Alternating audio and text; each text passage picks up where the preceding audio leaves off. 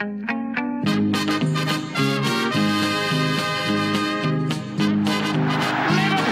are champions of Europe again. Liverpool are prize winners again. Liverpool is in the record books.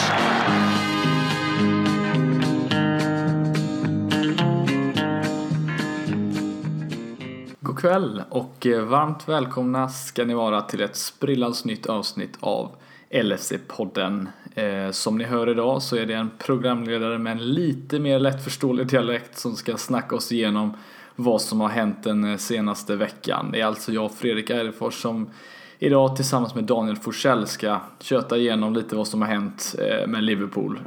Vi gör ju som sagt detta precis som vanligt i samarbete med LSE.nu, den svenska officiella supportersidan. Där ni kan hitta allt ifrån de senaste nyheterna till tävlingar och eh, ja, massa annat gott inom, eh, som handlar om Liverpool helt enkelt. Så att eh, gå in där och skaffa er ett medlemskap nu för att det kommer definitivt inte ångra. Det finns mycket grejer att ta del av eh, som Liverpools supporter. Som sagt, idag är det ju då ett litet speciellt avsnitt eftersom stora delar av podden är antingen bortresta kollar på hockey eller ja, jobbar vad de nu håller på att göra. Så att idag blir vi en liten fantastisk duo som ska köta Liverpool. Så att eh, innan vi kör igång här så ska vi bara låta Jürgen Klopp kicka igång avsnittet. Boom! Ooh, what was this? Ja, boom säger Klopp och boom säger även jag och välkomnar in min eh, vapendragare Daniel Forsell här in i värmen får vi väl ändå säga. Det känns som ett ganska hett avsnitt som eh, våra lyssnare har att vänta oss, eller hur? Så är det ju verkligen. Efter två raka eh, tuffa bortamatcher och segrat så, så får man väl säga att vi är heta på gröten. Ja, nej det, det känns som att det är väldigt skönt att prata Liverpool i alla fall när vi när vi har gått som det har gått de två senaste veckorna och det, det känns som att det inte alltid att vi går sådana här back-to-back vinster hela tiden framförallt inte bortamatcher men eh, hur, eh, hur känner du under påsken här? Har du liksom laddat upp eh, mycket information att ta med dig nu här från, från helgen som vi kan prata om idag eller? Ja men det får man väl säga ändå. Det, det hände ju en del och det börjar ju tajta till sig nu. Nu är det inte så jäkla många matcher kvar och eh, det var väl de här två framförallt som, som vi har haft nu som jag var mest nervös för i slutskedet här. Alltså för två omgångar tidigare här så satt man väl inte kanske riktigt lika kaxig som man gör nu även om vi vi i podden har väl snackat mycket om att vi, det är väldigt mycket upp till Liverpool själva nu att ta den här eh, åtråvärda Champions League-platsen. Men, eh, men nu kanske man till och med kan, eh, kan drömma om eh, att man ska slippa kval. Det kommer vi in på lite senare med är ju tanken här. Mm. Ja, för som sagt de två senaste. West Bromwich Stoke, det är inga borta framförallt. Det är inga matcher man sitter och slickar sig runt munnen som när man håller på Liverpool i alla fall. När man ser de matcherna framför sig. För det är ju som sagt West Bromwich har ju sen, ja väldigt länge känns det som. Sen 08, de, när var det de kom upp egentligen? Senast. Det var väl någonstans där när Pulis eh, började träna i Premier League. Det var ju inte så vi vunnit mot honom på bortaplan. Så det var ju inte direkt den lättaste matchen att... Eh, när vi har en viktig match och en väldigt svår bortamatch framförallt. Ja, egentligen det är ju både Stoke och, eh, West Bromwich där som, eh, som han har eh, varit hövding över. Och eh, nej, det är som du säger, det är ju en del år där vi inte har vunnit mot honom borta en enda gång. Så eh, det är väl rätt skönt. Alltså det är väl det som mycket har gjort tror jag också att man tycker att Stoke borta är en sån tuff match. Det är ju, de har väl, även om de har mycket av de här tunga spelarna kvar så tycker jag väl att de har försökt eh, om det är med framgång eller inte vet jag inte. Men alltså ändra lite sin identitet. De har ju ändå en del lite mer spännande spelare nu och nu har väl Pulis egentligen tagit över hela den eh, biten till, eh, till West Bromwich. Jag tycker det är rätt solklart vad de egentligen hoppas på både på läktaren och, och så där. För då, alltså varje gång det blir en hörna så firar ju de nästan som att det är ett klart mål kändes det som. Mm. Det, det enda gången arenan riktigt kokar till. Det var egentligen eh, det var när det blev hörna. Eller när, eh, när Liverpools fans höll hov. Jag tyckte de skötte sig bra denna bortamatchen också. Mm.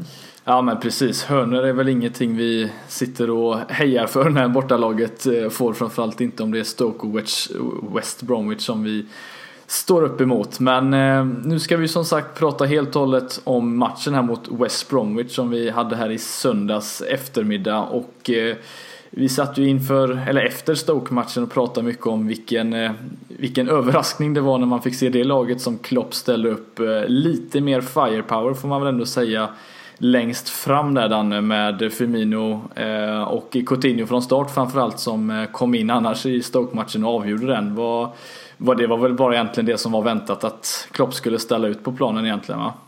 Ja, men det tycker jag. Det, jag vet inte vad du känner där men det, nu man hade ju lite mer förhoppningar när man såg laget tycker jag jämfört med Stoke-matchen också. Att eh, detta, detta kändes ändå som något som kunde vara någorlunda överkomligt med tanke på både den form och eh, i den sits VBA sitter egentligen där de har eh, Ja, de har tagit sina poäng. Det är klart de kan, säsongen kan bli bättre för dem men de har en 10 poäng eller något upp till nästa lag. Och, och det var verkligen ett tacksamt läge faktiskt att möta dem tycker jag. Och då, nu när vi inte har någonting annat egentligen kvar så, så tycker jag inte man kan förvänta sig annat. Eh, eller vad tycker du själv eh, kring egentligen laget man säger så? Nej, alltså jag var ju lite så här när jag såg. Jag tyckte att det var ett, vi hade ett hål på mitten till exempel. Jag tyckte mittfältet mot Stoke i början framförallt att vi släppte till på tok för mycket mot dem. Så där kände jag väl, jag blev ganska glad ändå även fast man har sina tankar om, om Lukas som mittfältare nu för tiden att att få, få någon som ändå kan,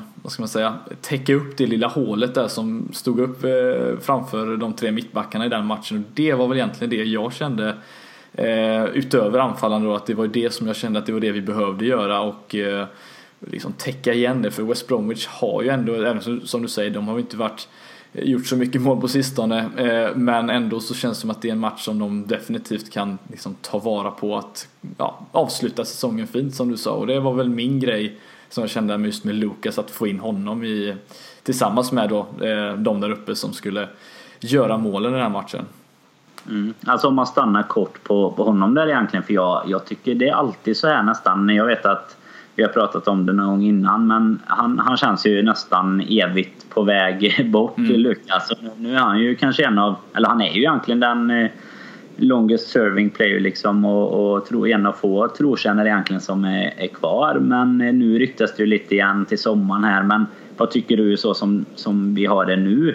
Tycker du han fyller sin funktion då eller tycker du att det, det är dags att liksom, ja, men bort med han men kanske först när vi har fått in någon annan? Eller, för jag tycker ändå att i den här matchen så är han ju han gör ju verkligen det han ska om man säger så. Ja, alltså det är ju alltså, vi, vi, man kan ju sitta och prata om det här hur länge som helst vad man tycker om Lukas och hans framtid i Liverpool men jag känner ändå, jag håller ändå med dig lite där att det han, han har ju sin rutin oavsett vad folk säger, han har sin rutin Eh, Eh, han kan komma in och visst ibland kan han ändå dra på sig onödiga frisparkar men han är ändå ett proffs, det får man ändå ge honom. Han, han, är, han vet vad han gör och det måste jag säga att det, jag tror inte en, en ny spelare om man tar in en, en ung spelare, liksom en Grujic till exempel. Jag är inte säker på att han kanske har kommit in och varit, visat den rutinen. Så att, men jag, jag känner ändå att det är dags snart ändå för honom. Eh, för det känns som att det, jag vet inte vad, vad sitter han på i lön till exempel och hur mycket får han spela, är han nöjd? Jag vet inte man vet ju inte liksom bakomliggande faktorer på hur det ser ut där heller. Vi vet ju bara det som vi ser på planen och läser lite på Twitter och sådär. Men jag tycker väl ändå att det är dags för honom att, eh, att lämna och på ett fint sätt ändå som man får se. För han får en sån där testimonialmatch nu också då så att han eh, eh får tacka av honom på, på ett riktigt sätt i alla fall. Mm. Nej men precis. Och jag, så är det ju absolut. Att hittar vi bara, eller fixar vi ersättare till sommaren så, så är det väl inte så mycket snack. Det jag kan känna är väl att vi någonstans förhoppningsvis då om man säger kommer vi ha mycket fler matcher nästa säsong. Mm. Och då tror jag att han kan ändå vara en sån här nyttig truppspelare att ha i och med lite bredd på positionsspelet så med. Men det är ju inte, det är, det är inte han vi ska bygga laget kring om man säger så. Utan det är ju så brist på annat skulle jag säga. Att vi att man har kvar honom. För jag tror det är som du säger, man ska inte underskatta vad, vad rutin ger egentligen jämfört med många av de här unga lovande spelarna. Som givetvis också behöver spela för att ja, någonstans få den rutinen. Ja. Och, alltså det, det, är ju sådär ge och ta hela tiden. Ja precis. Nej men det, det är ju som du säger att just få bredden. För det är ju inte, det är inte breddspelarna vi behöver få, få, liksom få fler av utan det är att få Jo, det behöver vi egentligen visserligen, men just att ersätta startspelare, då blir ju ändå Lukas den spelaren som, han, han är ju inte startspelare så det blir ju att han kommer bli den här kanske tredje, fjärde alternativet och om han är, är och får spela kanske då en ligacup eller FA-cup match och så vidare och komma in som du säger, eh, som i den här, en sån här match också. Så det får vi se nästa säsong, men det finns ju som du säger, det finns fokus att lägga någon annanstans på banan och eh, kanske inte ersätta honom som är eh, liksom huvudsyftet i eh, den här sommaren som jag antar kommer bli ganska hektisk eh, i Liverpool-ögon i alla fall. Ehm, men ja, matchvis då Danne. Det var, hände det var inte så mycket att prata om egentligen förrän det som hände precis innan halvleken. Jag vet inte om du tar med dig någonting annat utöver just den här 1-0 ledningen som Firmino lyckas ta oss in i, eh, i pausvilan. Inte jättemycket ska man väl vara ärlig och säga. Det är väl egentligen att vi jag tycker att vi försvarsmässigt eh, sköter oss rätt bra. Mignolet, nu är ju det även i andra halvlek sen, men jag tycker att han både i den här och förra matchen, in, utöver att han gör matchavgörande räddningar, har växt ut lite i luftspelet och faktiskt tar för sig lite mer. Mm. Sen, eh, sen är det väl just det som du nämner att vi gör det är Lukas faktiskt som gör assist där. det ser man inte varje dag. Nej, det gör man verkligen inte. Intränad um, variant, eller vad säger du? Ja, vi, vi, jag satt och diskuterade med några polare när vi kikade på matchen. Eh, jag tror de, de nämnde väl det något i studion med, men, eh, men det kändes väl som att det var mer... Eh, nej, det var en riktigt usel frispark tyckte jag. Jag, jag tror inte att den var intränad, men, men den får vara som den vill, bara det blir mål egentligen. Du tror alltså inte Milner siktade på Lukas huvud helt enkelt? Du tror att det var flit bara? Inte att det är han, jag hoppas inte att det är han som ingår i varianten. Ja, det blev bra till slut i alla fall. Det, det, får man väl ändå säga. Det är skönt att göra mål på en fast situation mot West Bromwich. Det, det, det är inte alla lag som gör det. Men eh, alltså, vi, vi har ju jättemånga gånger suttit och pratat om det här med att ersätta Suarez, bla bla bla, att få in en spelare som ska ersätta honom. Och det, det är jättesvårt för det var ju en av världens bästa spelare när han lämnade och om han inte är ännu bättre nu så svårt att ersätta en sån spelare. Men just Firmino, jag älskar ju den spelaren måste jag ju säga. Jag vet inte hur, hur, du känner om du skulle ranka honom bland toppspelarna i laget just nu men jag måste säga att han erbjuder verkligen något sådär snarlikt som han kan göra som en Suarez-spelare egentligen just med att vinna mycket boll och allting och han tyckte jag ju ändå har tagit ett väldigt stort steg just som den där, ja, inte falska nian men någonstans däremellan i alla fall. Vad, vad skulle du ranka honom egentligen av de, de tre där framme som, om man räknar in Mané då som var borta den här matchen? Mm, alltså grejen är att jag instämmer med dig till 100% och framförallt i, eh, alltså som spelare egentligen och, och den typen av spelare. Så eh, han är väldigt lätt att tycka om eh, och som profil dessutom för klubben. Men det är väl egentligen skillnaden tycker jag mot Suarez om man, om man stannar där bara. Det är ju målskyttet. Jag tror att han kommer att ha svårt att göra alltså 20 plus mål nästan på en säsong eh, i och med att han är en helt annan typ. Alltså han är viktig på så många andra sätt. Och det är där jag tycker jämförelsen mellan de tre blir ganska svår för att han är otroligt viktig i till exempel den här matchen gör han ju typ flest brytningar eh, nästan också och skapar flest chanser. Alltså han, han gör så mycket annat som kanske inte man förväntar sig att den spetsen där fram ska göra. För Mané har ju sitt, det är ju snabbheten givetvis och att han är väldigt oberäknelig. Och Coutinho har ju egentligen skotten och, och den typen, alltså lilla snabba tekniken. Så jag tycker de kompletterar ju varandra oerhört bra de tre. Mm. Och han, alltså det är väl egentligen det, det som han... Eh, skulle han bidra, nu är han ju lite målform så, men skulle han bidra med ännu, ännu fler mål och det kan han ju givetvis göra om vi får in lite, alltså kanske ännu bättre spelare som kan fylla på bakom och konkurrera om platserna och så vidare då. Och då, eh, alltså då skulle jag säga att han är en helt... Alltså han blir ju vital i de här matcherna när vi möter topplagen. Där jag tycker han har varit extremt bra. Där han har gjort just de här bitarna att han bryter bollar, han spelar fram. Alltså det, jag älskar ju att se när han... Det är någon situation där han bryter om det är en mittfältare eller back i, i West Bromwich som har bollen och han liksom tar jobbet och bara trycker ner honom och så startar vi ett anfall egentligen. Det, sånt är man så ovan vid att se Liverpool göra innan tycker jag. Det här att vi, vi bryter tidigt och kan ställa om på det sättet. Innan har det mer kontringsspelet på Torres-tiden typ. Det bestod ju mer i att vi var jäkligt snabba och ställa om när de hade avslutat ett läge. Reina satte igång snabbt på Alonso och vidare upp så.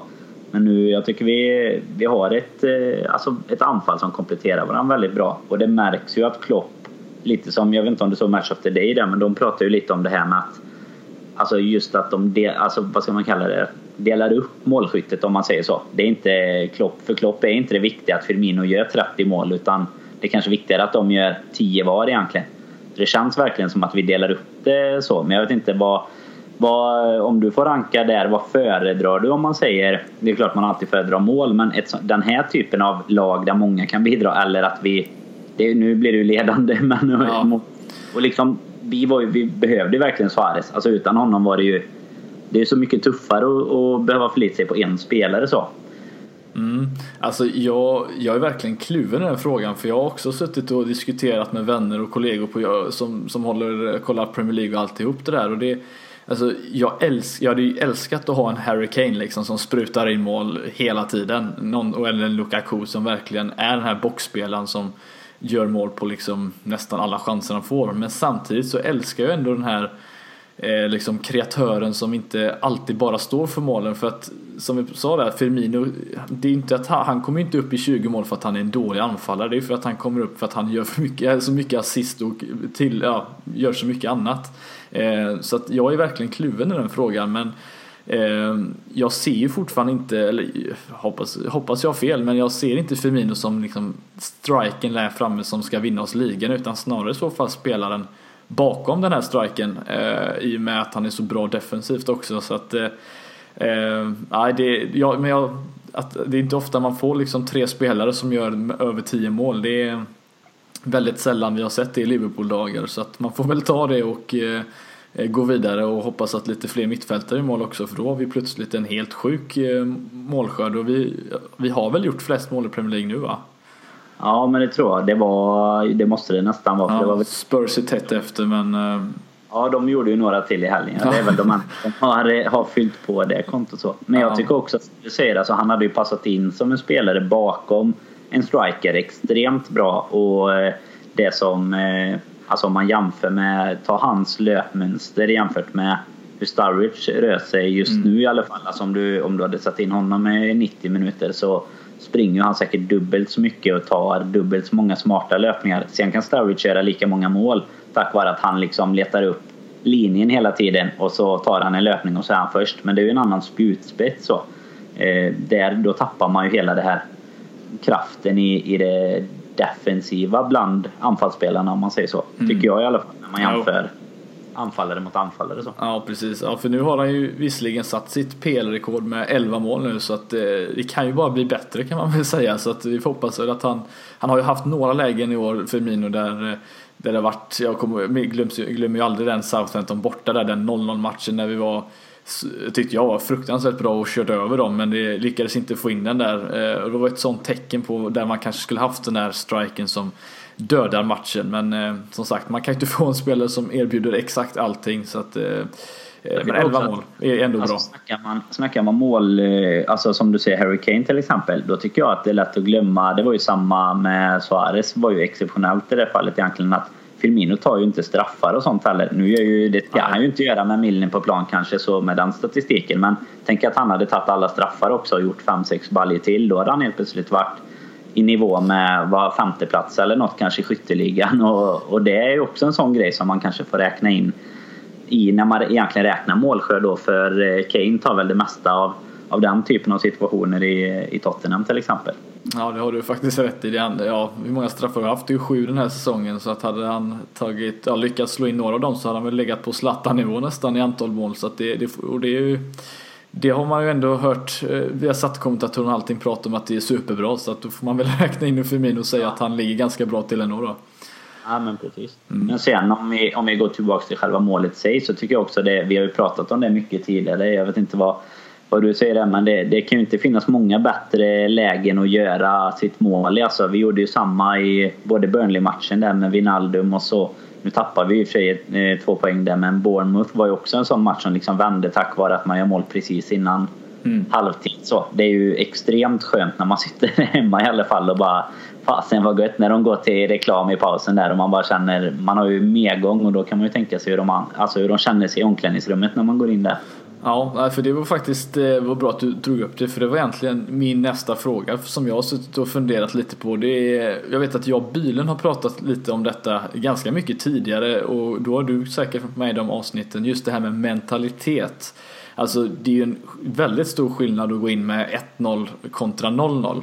Eh, liksom, trodde vi hade fått se ett mer desperat Liverpool som alltså inte hade nöjt sig med en poäng i andra halvlek om det där inte hade blivit ett mål eller trodde vi hade sett något liknande än det vi hade för att jag känner ändå att äh, vi kommer komma till det sen, att hur viktigt det är att komma liksom så högt upp i tabellen som möjligt och inte bara nöja sig med fjärdeplatsen.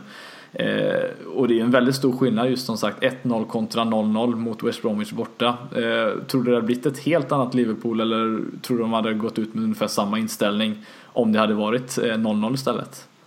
Jag tror nog vi hade fått se något liknande till en början i alla fall men möjligen att det hade blivit lite mer satsningar offensivt eh, mot slutet. Eller alltså sista halvan av andra jämfört så med om det hade varit en tidigare match på säsongen. För då är helt plötsligt, jag menar med, med Stoke-seger i ryggen på bortaplan och ett poäng borta mot West Bromwich och fyra poäng på de två får man ändå tycka någonstans är godkänt tror jag. Men nu när man liksom ser målet så nära om man säger så, så tror jag nog att vi hade fått se ett mer offensivt lag än vi, än vi kanske hade varit vana vid att se just borta mot VBA. För det är ändå en match som jag inte tror det är många tränare som, som underskattar om man säger så. Snarare kanske, kanske överskattar den till och med. För det är ju det är tufft att komma till Hortons och, och spela faktiskt. Det, det, märker man om inte annat på många av de andra topplagen som har fått eh, har kammat noll egentligen där. Eh, men jag tror samtidigt att Klopp kanske någonstans känner att det är också extremt viktigt nu att utnyttja den här chansen. För det är ju inte bara spel om, som du var inne på, den fjärdeplatsen. Det är även uppåt men det är ju även faktiskt neråt om man säger då. Alltså man kan ju också tappa poäng och, och helt plötsligt ha det ganska tufft. För det är ju alltid lite jobbigt när det är som det är nu då med lite haltande tabell så. så man, man liksom sitter och gör matten varje vecka lite i onödan. Eh, bara för man har ju ingen aning om hur fasen det ska gå i de andra matcherna. Men man så här, sitter och bara okej okay, nu är Arsenal, eh, kan de inte ta ikapp United fortfarande målskillnad. Okej okay, vad får de vinna med, vad får de inte vinna med? Så där så det är, ju, det är ju helt sjukt spännande och kommer ju vara så här egentligen ända in i, i slutet på säsongen känns det som. Det, jag vet inte hur du känner men det är ju inte riktigt som kanske liga, alltså 13-14 där när det, när det går mot eh, alltså nästan ligaseger då men det är passen man, man, är ju, vid den här tiden brukar man ju nästan ibland vara borträknad känns det som mm. vid matcherna. Ja, nej, jag, jag glömmer ju aldrig just den säsongen. Bylund hade, hade ju en Excel-fil han satt och uppdaterade och eh, som han delade med sig. Och jag tyckte det alltid var så underbart för det är nästan som att alla skulle behöva en sån för att eh, det, det, är verkligen som du säger, det är verkligen spännande. eh, och det kan sluta verkligen eh, Ja, det kan sluta hur som helst som sagt. Eh, och det är, nej, det är det är en väldigt konstig säsong men eh, vi får väl se hur, hur den slutar. Det är fortfarande många matcher kvar som sagt och det är Eh, men två matcher avgjorda, eller av, ska man säga, avklarade som på förhand i alla fall inte eh, jag förväntar mig inte sex poäng från de matcherna om man säger så då. För att jag tänker just Stoke-matchen där, om vi pratar med inställning. Eh, vi, vi har ju åkt på de här bottennappen mot till exempel Bournemouth där vi har kanske gått fram istället för att försöka döda matchen. Eh, jag tycker ändå, om du jämför den här matchen med Stoke till exempel, att, eller de andra matcherna, så båda de här två egentligen jämfört med de andra tidigare. Tycker du att vi känns som att vi ändå, eller Klopps idé egentligen, att, att inte gå för det riktigt lika mycket i början och snarare försöka liksom hitta den här avgörandet i slutet? För nu känner jag ändå som att det liksom, vi sitter och läser av vad, vad ska motståndaren göra framöver och sen kanske vi slår om och försöker liksom kontra in det. Det känns som att han har hittat en annan inställning när det kommer till att möta de här lagen på bortaplan. Eller håller du med mig när det kommer till just den typen av bortamatcher nu? Alltså framförallt i den här sista matchen mot VBA tyckte jag det, för det kändes ju ganska kontrollerat egentligen matchen igenom. Det visste att de, vi släppte till eh, något läge och det var lite eh, alltså galna minuter på övertiden. Men det är ju sånt som lite hör till när, när det blir desperat jakt så. Men jag tycker att eh, det överlag var en av våra alltså, bättre bortamatcher och man kanske man, man får väl räkna bort de här, den här hösten lite där vi, där vi var så otroligt sjukt bra sådär. Men eh, då tycker jag att den är, alltså taktiskt tycker jag att den är riktigt bra genomförde matchen och det är precis som du är inne på där att det känns som Klopp kanske har lyckats hitta ytterligare något sätt att använda laget på som han inte riktigt kanske har behärskat innan. För eh, jag instämmer med dig att jag hade inte räknat med sex poäng. Det var en riktigt eh, skön känsla efter den här segern att bara ha med sig det. För de här matcherna var väl egentligen de två som kändes som att det, säsongen eller den här topp 4-platsen lite stod och vägde med att det kunde lika gärna varit noll poäng. Och eh, då hade vi haft ett riktigt tufft utgångsläge nu inför, inför slutspurten här. Mm, ja precis. Ja, det, är, det är just det som sagt, det känns som att han har hittat, han kanske har lärt sig av sina misstag snarare än att han har liksom blivit tillsagd att göra något annat. Utan vi har ju haft problem med sådana här lag tidigare så det är skönt i alla fall att se eh, se oss lära oss våra misstag och faktiskt få ut någonting av det. det. Det får man väl tacka och ta emot nu när man såg hur de andra lagen eh, under oss presterade och fick poäng som sagt i, i tabellen då. Eh, men om tänker story of Liverpool på senare tid då. Eh, har väl alltid varit lite sådär balanserat försvarsspel men man tappar fokus. Och så får Mignolet stå för en sån här superräddning i slutet. Det var ju ungefär, inte i slutet den här gången, men någonstans där i mitten när de trycker på.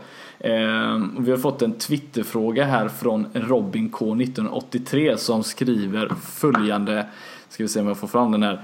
Klein tappade Chadley en rejält två gånger i första halvlek, inte första gången direkt. Är han vår mest överskattade spelare Danne? Det är just det att Lovren Klavan får ju väldigt mycket skit, det får man ju ändå, till och med Milner får det. Men Klein som, han har inte gjort sin bästa säsong riktigt. Vad, vad, är, din, vad är dina tankar om, om honom eh, på, på, på högerplatsen? Alltså det, jag tycker att frågan absolut är befogad om han eventuellt är vår mest överskattade spelare just i det att som du är inne på, han har inte fått nästan någon kritik. Vi har väl, eh, vi har väl nämnt det någon gång sådär efter någon enskild insats men drar man säsongen som helhet så är väl han en av dem jämfört med förväntad nivå om man säger så tycker jag som kanske har presterat eh, faktiskt allra sämst egentligen. Eh, framförallt eh, nu, jag tycker att han har höjt sig lite i det offensiva spelet eh, i vissa matcher. Han var ju nära på att få göra ett drömmål i, för några omgångar sedan. Det var, väl, det var väl mer eh, undantag än regel om man säger så. Men just det här att han någonstans förväntar man sig ganska mycket av honom och man, han är ju ganska självklart val där. Det finns inte så mycket egentligen att, att välja på. Vi, det, vi ska inte ta in typ Flanagan eller något istället. Det är inte, inte på den nivån men eh, det är absolut fog för eh, lite frågetecken för jag tycker inte att han är tillräckligt stabil just nu för att visa, alltså typ hålla i Champions League-klass och sånt utan skulle kanske behöva kika på eh, alltså just att han kanske kan få en konkurrent på sin plats eller någonting eller om man kan utnyttja hans egenskaper på ett bättre sätt. Jag vet inte, vad, vad känner du kring kring hans säsong så långt? Jag har väldigt starka känslor kring honom faktiskt. Jag, jag måste säga, jag har ju själv varit ytterback i mina, i mina glansdagar. Eh, visserligen vänsterback, så att jag har ju både tankar och, och, om, om minner också. Men jag tycker ändå liksom den moderna ytterbacken idag i alla fall ska ändå kunna behärska bollen med båda fötterna, ska kunna våga utmana och inte vara den här fegisen som är rädd att man ska liksom tappa bollen. För att testar du inte så vet du inte om du kan, om du kan göra det. Jag tycker ändå Klein visar på väldigt mycket feghet i att han eh, Visst, han, han har ingen liksom briljant teknik som man är och kan liksom överstegsfinta förbi och så vidare. Utan han, han, gör ju sin grej där han sparkar bollen till höger efter ett, ja, något försök, vad han nu försöker göra. Och så ska han dra sitt inlägg och så blir det väl hörna eller inkast. Men jag tycker ändå att det känns som att vi har potential att kunna få ut väldigt mycket mer av en ytterback. Och Trent till exempel, Alexander Arnold, han har ju visat på att han faktiskt kan slå en gubbe. Så det är väl egentligen det det jag känner att hade han gjort så mycket sämre än Klein hade gjort, det är jag inte säker på. För jag tycker ändå Klein har visat att han inte är så balanserat bra defensivt som han var när han kom till Liverpool första säsongen. För då tyckte jag att han faktiskt var liksom en sån här 7 av 10 spelare som aldrig gjorde något dåligt men heller inte var bäst på någonting. Men ju, vad, vad sa du? Innan, ja, helt enkelt. precis. Nej, men sådana spelare uppskattar man ju för man vet, man vet var man har dem någonstans. Och de gör aldrig bort sig men eh, samtidigt kan de ju stå för någon briljans då och då men de gör inte bort sig och kan ibland spara några extra poäng sådär. Men jag tycker ändå att Klein eh, han är väldigt begränsad eh, och hade inte han stått för, eh, för liksom, ja, straffmål som, som Milner då hade, eller hade han alltså gjort för det så hade man hört mer positivt om honom också antar jag. Så att det, jag tycker bara att ytterbackspositionen framförallt med Klein där har vi mycket att jobba på för jag håller nog med Robin. Jag tycker han är en av de mest överskattade sättet att han erbjuder inte det som en modern ytterback ska göra men eh, är det liksom prio att hitta en ny ytterback i sommar om vi pratar vänster eller högerback eller är det återigen mittförsvaret och målvaktsfrågan återigen som står i fokus? Det är så jäkla svårt nu för jag menar, det, jag, vi diskuterade lite förra veckan och jag har ju svårt att liksom gå in och jag tycker Mignolet har gjort två fantastiska matcher här på rad nu och kanske varit poängräddare egentligen i, i båda, framförallt i Stoke-matchen. Men eh, det, det, är så svårt att liksom bara gå från att och tycka att det liksom är, är lite priofråga till att helt plötsligt vända och tycka att nej, men nu, är han, nu håller han eh, hög klass och så. Men samtidigt är det väl så någonstans att jag tycker att mittbacksfrågan är värst. För att vi, vi kikar ju på lite statistik här innan och både när Matip och Lovren har startat eh, tillsammans så har vi inte förlorat en enda match än. Men det stora männet i den ekvationen är ju att det är så sällan de startar matcher tillsammans. De är ju lite glaslirare båda två och sträcker ryggar och lite så småskadade. Och det gör ju att jag tycker vi behöver ha in minst en riktigt stabil mittback till. Som kanske, alltså, jag hade föredragit att spela tillsammans med Matip och bygga, bygga laget kring. Men sen vet jag inte om eh, alltså nu, ett ytterbacksalternativ som hade kunnat egentligen eh, komplettera Milner och Klein egentligen. Alltså att någon som kanske kan spela på, för det är lite som du säger, en modern ytterback kan man hantera båda fötterna så kan man kanske också hantera båda kanterna på ett annat sätt. Och eh, det hämmar ju lite sådana ungdomsspelare, även om kanske inte Alexander Arnold ska spela varje match så är det givetvis lite hämmande att de inte spelar heller. De, de behöver ju spela för att utvecklas eh, och kanske få lite chanser och svårt att, att sätta in dem, eh, vad ska man säga, bara för att. Men här tycker jag kanske det finns fog att testa en sån spelare. Kanske inte nu de sista fem matcherna men under säsongen har jag ändå tyckt det har funnits tillräckligt på Klein så att säga för att kanske ifrågasätta och, och låta honom vila någon match och testa liksom Arnold. För jag menar så jäkla illa kan det inte vara i jämförelse. Nej, man tycker ju det och framförallt då när man ser vad, hur högt Klopp rankar de andra spelarna när man som mot Stoke till exempel. Eh, det finns en, en, en wingback position plötsligt och då är det Klein som går in där på vänstersidan istället för Eh, för Moreno så man, det är ju inga höga tankar Klopp har kanske om de, eller det kanske inte är tillräckligt bra kvalitet generellt sett heller på, på de positionerna vi har så att eh, vi får väl se om det blir eh, lagt någon fokus. Jag har ju skrikit efter en ny vänsterback eh, ganska länge och eh, för de som har lyssnat på podden så vet jag hur jag uppskattar de typerna som finns där ute. Och jag kan ju bara dra en jämförelse till exempel med, ja men ta en Seamus Coleman till exempel. Det är en sån spelare som man eh, hade älskat haft på högerkanten. En sån som verkligen kan försvara men framförallt kan stå för några extra mål under en säsong eller assist. Och det, det är väl där jag tycker att Klein inte riktigt räknas in bland de ytterbackarna. Eh, så det får mig bli en, eh, en ny fråga i, eh, till sommarens transferpodd när vi kommer prata det lite längre fram i sommaren i alla fall. Då. Ja, det, jag kan ändå hålla med där för det du sa innan lite om den fegheten. Det vet jag att vi diskuterade lite när vi hade våran kanske tuffaste period där under januari. Och vi var ju över och kikade en match eh, tillsammans några stycken där mot Swansea och då, då pratade vi just om det att Klein liksom hela tiden också väljer och spela det enkla och spela lite snett bakåt till mittfältare eller någonting. Och även istället för att göra inlägg och sånt ibland så han liksom till och med när han har ett enkelt läge ibland att göra något bra om man säger eller något som kan skapa en chans så väljer han ändå det lättaste alternativet hela tiden och det är ju inte Alltså på det sättet kommer man ju aldrig egentligen utvecklas eller komma närmare ett mål utan det är ju lite som Alltså det största måttet på feghet att nej men jag låter någon annan Det är upp till de andra att lösa det här känns det lite som han kan, kan tycka ibland. Men eh, vad tycker du kring eh, målvaktsfrågan här då? För jag tänkte ja, du får fylla på lite mitt där. Vi fick ju faktiskt en fråga om det också. Lite om, eh, om Mignolet. Det var Ludvig Strömvall, eh, om jag inte minns fel, så frågade han. Eh, det var samma efter Stoke-matchen. Men han är nog en stor förespråkare för Mignolet. Men vad känner du kring eh, Mignolets status? Och sen har vi faktiskt Karius med som väl egentligen värvades som som en ersättare. Vad, vad tror du där? Hur, hur står Klopp i målvaktsfrågan? Um jag tycker ju inte själv att det är liksom prio på något sätt egentligen. Jag tycker att ett bra försvar kan eh, rädda en, en dålig målvakt mer än en eh, mål, bra målvakt kan rädda ett dåligt försvar. Så att jag tycker ju hellre att, vi, att, att försvaret är egentligen det vi ska rusta upp mest för.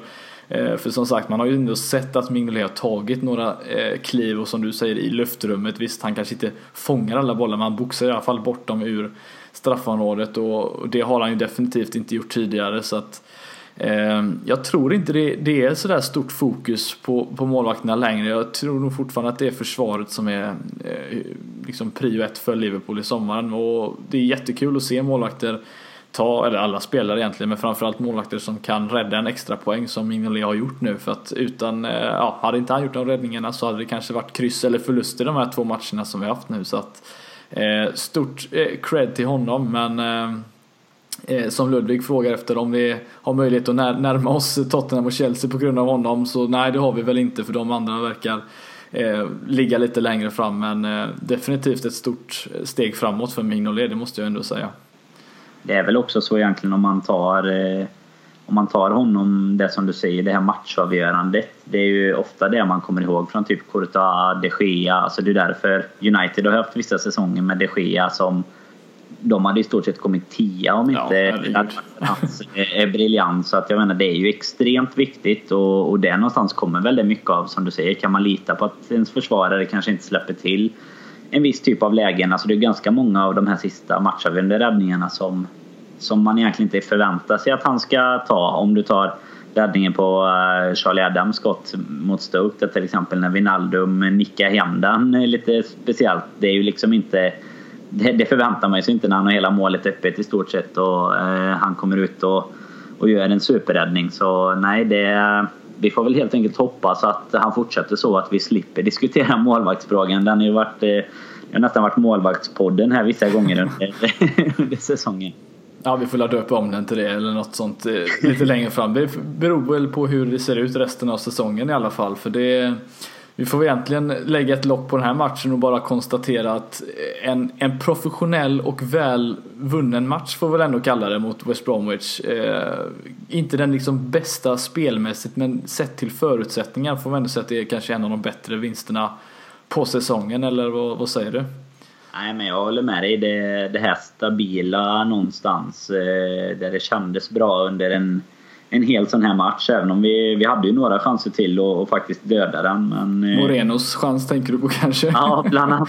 Jag tänkte, I första hand tänkte jag faktiskt på Milner hade ju den här, Ja. det volleyskottet. Men eh, Morenos chans eh, finns väl mycket att, säga om. Han, jag vet inte om han ångrar i, i efterhand att han inte kikade åt någon av kanterna. Men jag förstår väl honom också så sätt. Och jag tycker väl att man ska... Alltså i, i, även om det är i stridens hetta och allt så ska man väl kunna sätta dit den därifrån kan jag tycka.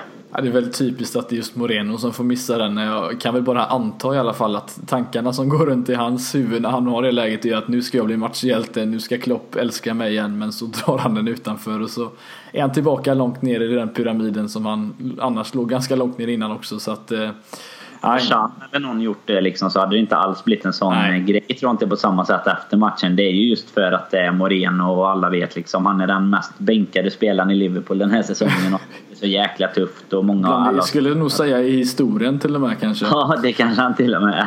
Ja. Nej, men alltså just efter eh, Europa, alltså sen Europa League-finalen och även en del innan det givetvis var han ju kritiserad. Men sen dess har han ju egentligen inte på ett år nu nästan eh, kommit tillbaka eller fått chansen. Och, och då när man, när man får ett sånt läge som du säger, det rör sig nog en del tankar i, i huvudet när man ser att man är liksom fri och målet är öppet. Mm. Ja, nej, som sagt, det blev i alla fall 1-0 och det får vi väl vara ganska nöjda med. Och En hållen nolla åt, eh, som vi inte alltid är bortskämda med heller. Men eh, tre sköna poäng borta mot West Bromwich. Det eh, och gjorde ju att vi dessutom tog upp ett steg över City i tabellen när den matchen blev det väl. Eh, fortfarande en match mer spelad om jag inte minns fel. Men bra, bra liksom situation att sitta i nu i alla fall eh, i, i ligan. och eh, eh, det hände ju lite några timmar senare där, jag vet inte om du satt och kollade på den själv där, eh, Manchester United mot Chelsea. Eh, det var ju egentligen den matchen man satt och hoppades på att Chelsea skulle vinna för en gångs skull. Eh, jag vet inte om du satt och kollade på den heller, eh, under, så eller, ja, satt och kollade på den.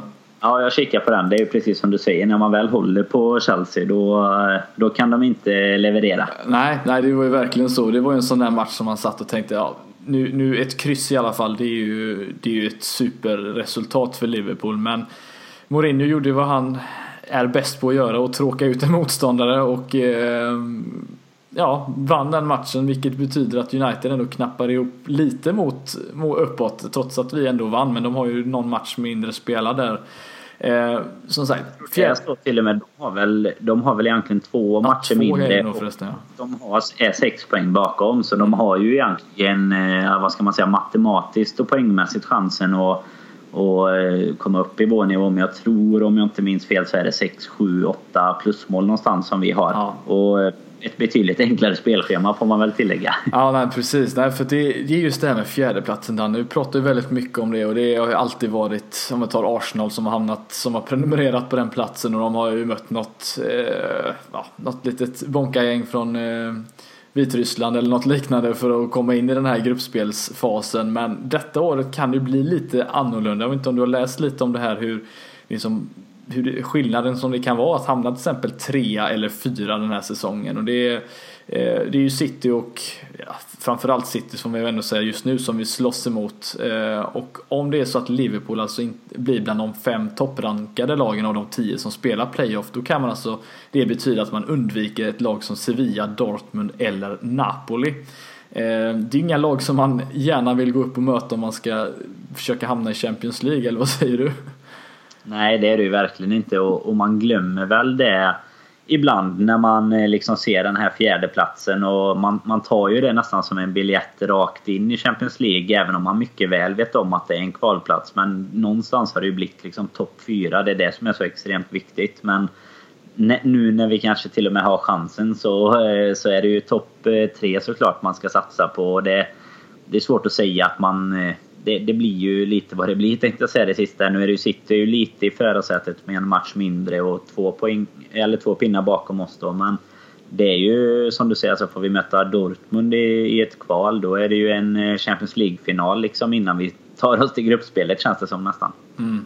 Nej, för det är som sagt tredjeplatsen eh, hade ju varit helt fantastisk om man hade fått in. För vi har ju som sagt ja, Arsenal, United och City bakom oss där som ändå kan matematiskt kan hamna före oss eh, och de har ju varandra att möta och även då Chelsea och, och Tottenham och så vidare, Everton och Southampton borta vad det nu kan vara. Så det är ändå ganska svåra matcher. Så hur, hur, tror du tankarna går hos Klopp just när han, han vet om ju detta såklart? Ehm, eh, och hur tror du han pratar med killarna och spelarna att nu, nu tar vi den här tredjeplatsen för att slippa just det här kvalet? För att han, han måste ju vara fullt medveten om vad det, vad det är för konsekvenser som Liverpool kan stå inför om det är så att man hamnar fyra.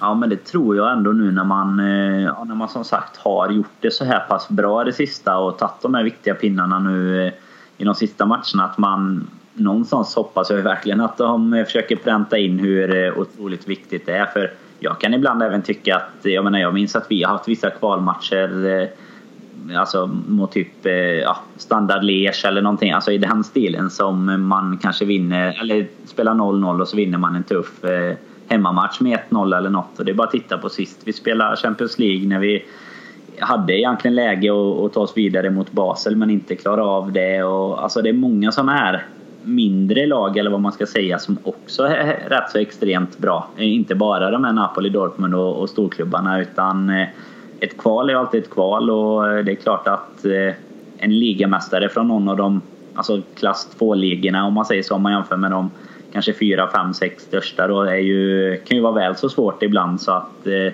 det finns ju extremt mycket att spela för när man, när man kan eh, kan ta en tredjeplats. Och det är bland annat ett Manchester-derby som, som kommer här så det blir svårt att... Eh, det är väl ett kryss. En, en pinne borta eh, från utdelningen får man väl säga hade väl varit det bästa kanske. Det är ju någonstans kanske till och med hade varit bättre att om Liverpool gör sitt att United vinner egentligen en sån match eftersom de har eh, egentligen absolut svårast schema av allihop kvar sen. Ja, nej för som sagt man kommer ju sitta här, vi kommer ju prata upp eh, helgens matcher alldeles strax också för oss mot Crystal Palace men man kommer ju definitivt sitta och hålla fokus på den matchen och, och kolla på den och hoppas på just som du säger att ett kryss är ju alltid skönt för då förlorar ju båda lagen egentligen två poäng och det det kan ju vara väldigt viktigt för att sen, jag tror ju att detta kan sluta här på målskillnad alltså. Det, det skulle inte förvåna mig om det är så att något lag tar den här fjärdeplatsen eller tredjeplatsen på grund av att de gjort antingen lite fler mål eller släppt in lite färre och det hade ju varit jobbigt för Liverpool som har har vi släppt in nu 41 mål den här säsongen. Visserligen gjort väldigt många men eh, försvarsspelet där, det har vi pratat om tidigare så att man kommer väl ändå hoppas att, att de här lagen kommer att slå ut varandra på något sätt för att vi ska ja, ta den där tredjeplatsen i alla fall. Eh, så där kommer man ju sitta bänkad. Eh, helgen är väl på är det innan oss mot Palace eller är det efter oss de spelar eller är det på lördag? Jag vet inte om det har, när det just Manchester-derbyt. Ja, jag tror eh, det är väl, vi spelar ju sent eh, på söndag. Mm. Gör vi väl, så det borde ju, borde väl vara innan, eller är det till och med omgången efter kanske? Det, jag har för mig att United har Burnley borta pratar de om efter Ja, Chelsea-matchen. det kanske är en sån där mittenmatch de Ja, jag tror, spelar. en, jag tror det är en hängmatch. eh, För City spelar väl, jag tror det är FA-cup. Är FA-cup semifinaler i helgen tror jag. Det stämmer alldeles utmärkt. Eh, Och något, så de spelar väl i, i veckan däremellan sen när vi, eh, när vi på grund av eh, vad, vad vi har lyckats åka upp är det spellediga. Ja, det har du rätt i faktiskt. Nej, då kommer, då kommer vi sitta och hålla på Burnley istället. De City spelar såklart eh, FA-cupen där. Eh, nej, det, då, då får vi bara göra jobbet helt enkelt och sen hoppas att de andra gör det i mitten av veckan eller veckan senare då. då. Jag brukar ofta säga att det är bra att slå första straffen. Ja. eh, finns det något på. Då är det väl bra för oss att vi får eh, förhoppningsvis sätta lite eh, press från att ha vunnit då mot Palace i helgen. Ja, nej men det, det håller vi tummarna för. Vi, vi ska egentligen, vinner vi våra matcher så, så sitter vi i ett bra, en bra situation får vi väl ändå säga. Så att, eh, Så får se det nu nästan. För vi har ju ändå den typen av matcher som vi absolut ska kunna vinna kvar. Och eh, då är det väl lite så att man, man får nästan se det som att vi ska göra vårt eh, Ja, vi ska göra vårt jobb helt enkelt. Mm. Nej men det, det, så är det ju. Eh, men om man tycker att Stoke och West Bromwich borta är svårt, lite så här kluriga matcher, så vet jag inte om du håller med mig här, men Crystal Palace hemma eh, känns ju inte heller som en walk in the park direkt nu när man har sett hur Crystal Palace har presterat de senaste veckorna. Ehm, nu kommer de ju till Anfield då och nu, ja, nu är vi tillbaka igen då efter två bortamatcher. Ehm, ingen Mamadou Sakho. Ehm, det är rätt skönt att inte behöva spela mot, mot sin egna spelare som har varit tveklöst deras bästa spelare under den här perioden. Ja, det är ju en extrem fördel för oss tror jag. Och det kan ju också skada deras lagdynamik lite om man ser dem när de har haft en spelare som har vuxit in på ett sånt sätt som han har gjort. Så, eh, så det är väl riktigt eh, bra för oss och de har ju verkligen gjort en imponerande resa. Vilket eh, jag tycker alltid är lite sorgligt med de här klassiska engelska managerna som Big Sam liksom. Men de, de löser det fast det nästan alltid det här kontraktet som de ofta anställs för att lösa. Och de måste väl vara ett av ligans absolut formstarkaste lag just nu. Tillsammans med oss kanske nu med dem, om man tar de här sista omgångarna bara. Om jag, min, om jag minns rätt så förlorade vi väl hemma förra säsongen också mot dem. Det, ja, det var Klopps bland hans första matcher ungefär. Där. Släppte vi in något sånt här sent 2-1 mål. Eh, ja, sånt där klassiskt. Eh, Ja. Efter en hörna eller något sånt där. Jag vet inte vem det var. Men eh, ja, det har du rätt. Det var Dan som gjorde mål, ja precis. Ehm, nej, det, det är ingen match som jag riktigt ser fram emot på det sättet. Eller alltså, jag är alltid fram emot att kolla Liverpool. Men just Palace hemma känns ju inte som en, en drömmatch visserligen. Men om vi säger så här, 4-2 blev det ju senast på Sellers Park. Det var ju en sån här riktigt svängig match om du kommer ihåg den. Eh, bra anfallsspel, dåligt försvarsspel. Jag vet inte hur man kan eh, liksom, eh, recensera den, den matchen egentligen.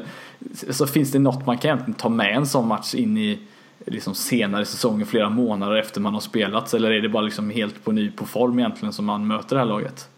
Eh, nu tror jag att det är svårt att ta med sig sådana grejer för jag tycker att det, den är ju egentligen plockad ur våran bästa, eller bästa ride på hela, alltså på flera år skulle jag säga. Både på denna säsongen men på också på flera år. Alltså där vi var extremt bra och vi vann ju matcher med 4-2, 5-1, 4-0. Alltså det, det är svårt tycker jag att ta med sig just att det var mot Pella som man säger. De hade en annan tränare och så. Så jag tror vi får se ett helt annat, eh, alltså en helt annan typ av match nu eh, till helgen faktiskt. Det tror jag.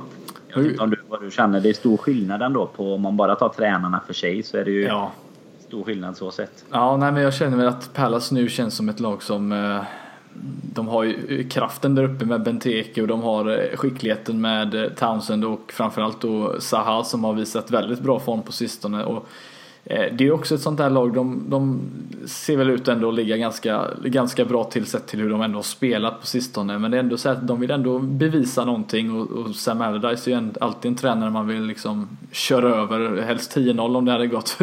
Även fast man får säga vad man vill och man tycker om honom. Men att vinna mot eh, Sam Allardyce är väl alltid en ganska skön känsla visserligen. Men nej, två, två bortamatcher här nu mot de lagen som vi ändå har vunnit. Hemma på Anfield igen. Eh, fortfarande ändå lite skador som, eh, som tynger laget. Men vi ska ändå gå och kunna vinna denna, eller vad säger du? De slog visserligen Chelsea på bortaplan men eh, våran form är väl ändå ganska okej nu. Ja, jag tycker att den, jag, jag kikar på den Chelsea-matchen och jag tycker väl inte att det var helt välförtjänt även om de givetvis spelar bra. Men eh, Chelsea hade nog med chanser för att egentligen ta tre poäng. Minst ett, men tre också egentligen i den matchen. Eh, så, eh, så det tror jag att det är klart att det är mer självförtroendet är det väl som de har med sig därifrån och vet att de faktiskt kan rubba lagen på, på bortaplan också. Det är väl egentligen de jag är mest rädd för som du sa där, Saha och eh, jag är alltid rädd för släkten i värsta. Ja. Med Benteke och Carroll och alla de här gubbarna som eh, kommer och besöker oss. Eh, hela Stoke är det väl i stort sett också. Så att, nej, det är väl egentligen det jag, jag känner min största nervositet. Men absolut ändå en känsla av att vi tycker att vi ska kunna lösa den här matchen med med de förutsättningarna vi har och, och, i den formen vi är själva egentligen. Eh, och nu hemma på Anfield igen då. Ja, det kanske inte skadar att möta ett sånt här lag när du ändå har gjort två eh, avslutat två matcher nu då, tuffa bortamatcher tuff, ja, mot ja, tyngre spelare framförallt för försvararna tänker jag nu, eh, Lovren och Matip och så vidare. Och få möta en Benteke och lite fysiska spelare i Pallas. Man är ändå på tårna nu känns det som att man har haft de här matcherna och nu Eh, inte liksom slappnar av för det är samma typ av anfallsspel ändå man kommer få stå emot. Så det känns ändå som att laget kanske är väl förberett nu att ta emot ett Palace. Eh, som du säger, de är inte alls samma lag som, som vi vann med, mot eh, ja, tidigare i höstas då. Men ändå att man är liksom van att möta de här spelarna nu de här veckorna och faktiskt kunna ta med sig det man har gjort bra de senaste veckorna kanske då. Ja, men det, nej, men jag instämmer. Jag tycker de är väl ganska lika faktiskt. Eh, det är väl eh, ett av de närmare exemplen till den här typen av Pulis-lag som du kommer just nu med Big Sam på bänken och reslig stor anfallare och lite snabbare wing alltså ute på kanterna och så. så att, nej, det tror jag. Det, det tror jag vi kan ha fördel av att vi har verkligen ett annat självförtroende med oss när vi har lyckats vinna de här två matcherna såklart. Så eh, nej, jag hoppas väl att att vi kan ta med oss mycket därifrån och att gärna Firmino får hålla igång sitt målskytte här också så han kan eh, komma upp i en kanske imponerande 15 baljer eller något på säsongen här. Mm. Men känslan är ändå bra hos dig. Du, du, du känner att vi har en, en väldigt stor chans att... Eh, eller formen vinner vi rätta på. Ja, men jag tycker nog det. Jag vet inte vad du vad känner du själv där och vad tycker du att det, vi ska spela på samma sätt liksom med, med Lukas och så vidare eller vad, vad känner du kring? Ja, jag tycker nog ändå samma lag som vi har haft nu. Jag tycker att det känns positivt. Du, ni som har lyssnat på podden vet ju att jag gärna tippar emot Liverpool och blir positivt överraskad. Men den här gången så har jag ändå bra känsla inför den här och det är väl just för att vi är tillbaka igen på hemmaplan och har stått för de här två matcherna som vi har troligtvis har lyft självförtroendet något enormt och vet liksom vad, vad man har att spela för. Så att jag, jag är ganska självsäker att detta kan kan bli en bra match, en, en underhållande men ändå bra match från Liverpools eh, sida i alla fall. Då. Så att, eh, nej, vi, kanske du och jag sitter här om en vecka och diskuterar eh, den här matchen eh, sen därefter då. Eh, vi får väl se, men eh, vi håller väl tummarna. Eh, tipptävling Danne, du verkar ju vara den som man ska lita på eller prata med. Hur, eh, Johannes ska vi faktiskt inte glömma och, gratulera. Du har kollat på vinnaren i den förra tipptävlingen. Ja, Johannes där som eh, vann eh, sist där på, på målskytt får man väl säga. Det var, fick vi avgöra på eh, den här gången. Det var några stycken som hade tippat rätt men han hade tippat att Firmino gjorde vårat mål då så att det, det tog han hem en tisha från Samdods på det. Eh, sen vet jag inte vad vi ska eh, säga om, eh, om den här tävlingen. Jag säger väl att vi brakar till med 3-1 hemma på, på Anfield. Det är tippet som, som man kan följa mig på. Ja. Jag har inte frågat Johannes vad han... Eh, det, är det borde vi nästan göra en tradition av. Låta dem ringa in och säga vad de tror helt enkelt. Ja, ja tips kan vi bara printa det sen. Ja, jag ja. tror nog att vi, vi öser på och gör en bra match till helgen faktiskt. Ja, nej, men jag instämmer. Jag tror visserligen på en lite tajtare 2-1 tillställning men eh, en vinst tror jag definitivt att vi kan ta med oss från den här matchen. Så att, eh, det får vi, vi väl se om en vecka då. Eh, annars känner vi oss ganska klara med det vi har pratat om nu. Vi har kört det snart i 50-55 minuter och det, det har väl våran duo gjort ganska bra i det här, du och jag känner jag. Ja, men vi får la ursäkta att det blir kanske lite kortare när vi, när vi rappar igenom det ja. två det blir, det blir mer tugg på oss då. Ja, nej, Robin får sluta åka till New York och Kalle får sluta kolla hockey och Jocke får sluta jobba och Krille får, ja han får bara vara med helt enkelt. Om jag inte har glömt någon nu, det hoppas jag inte. Ehm, nej, men då säger vi väl så, då lägger vi på locket här och tackar för idag alla som lyssnat och så, ehm, ja, hörs vi väl om en vecka ungefär då Danne, så får du ha det fint och alla andra fram tills dess. Ha det fint!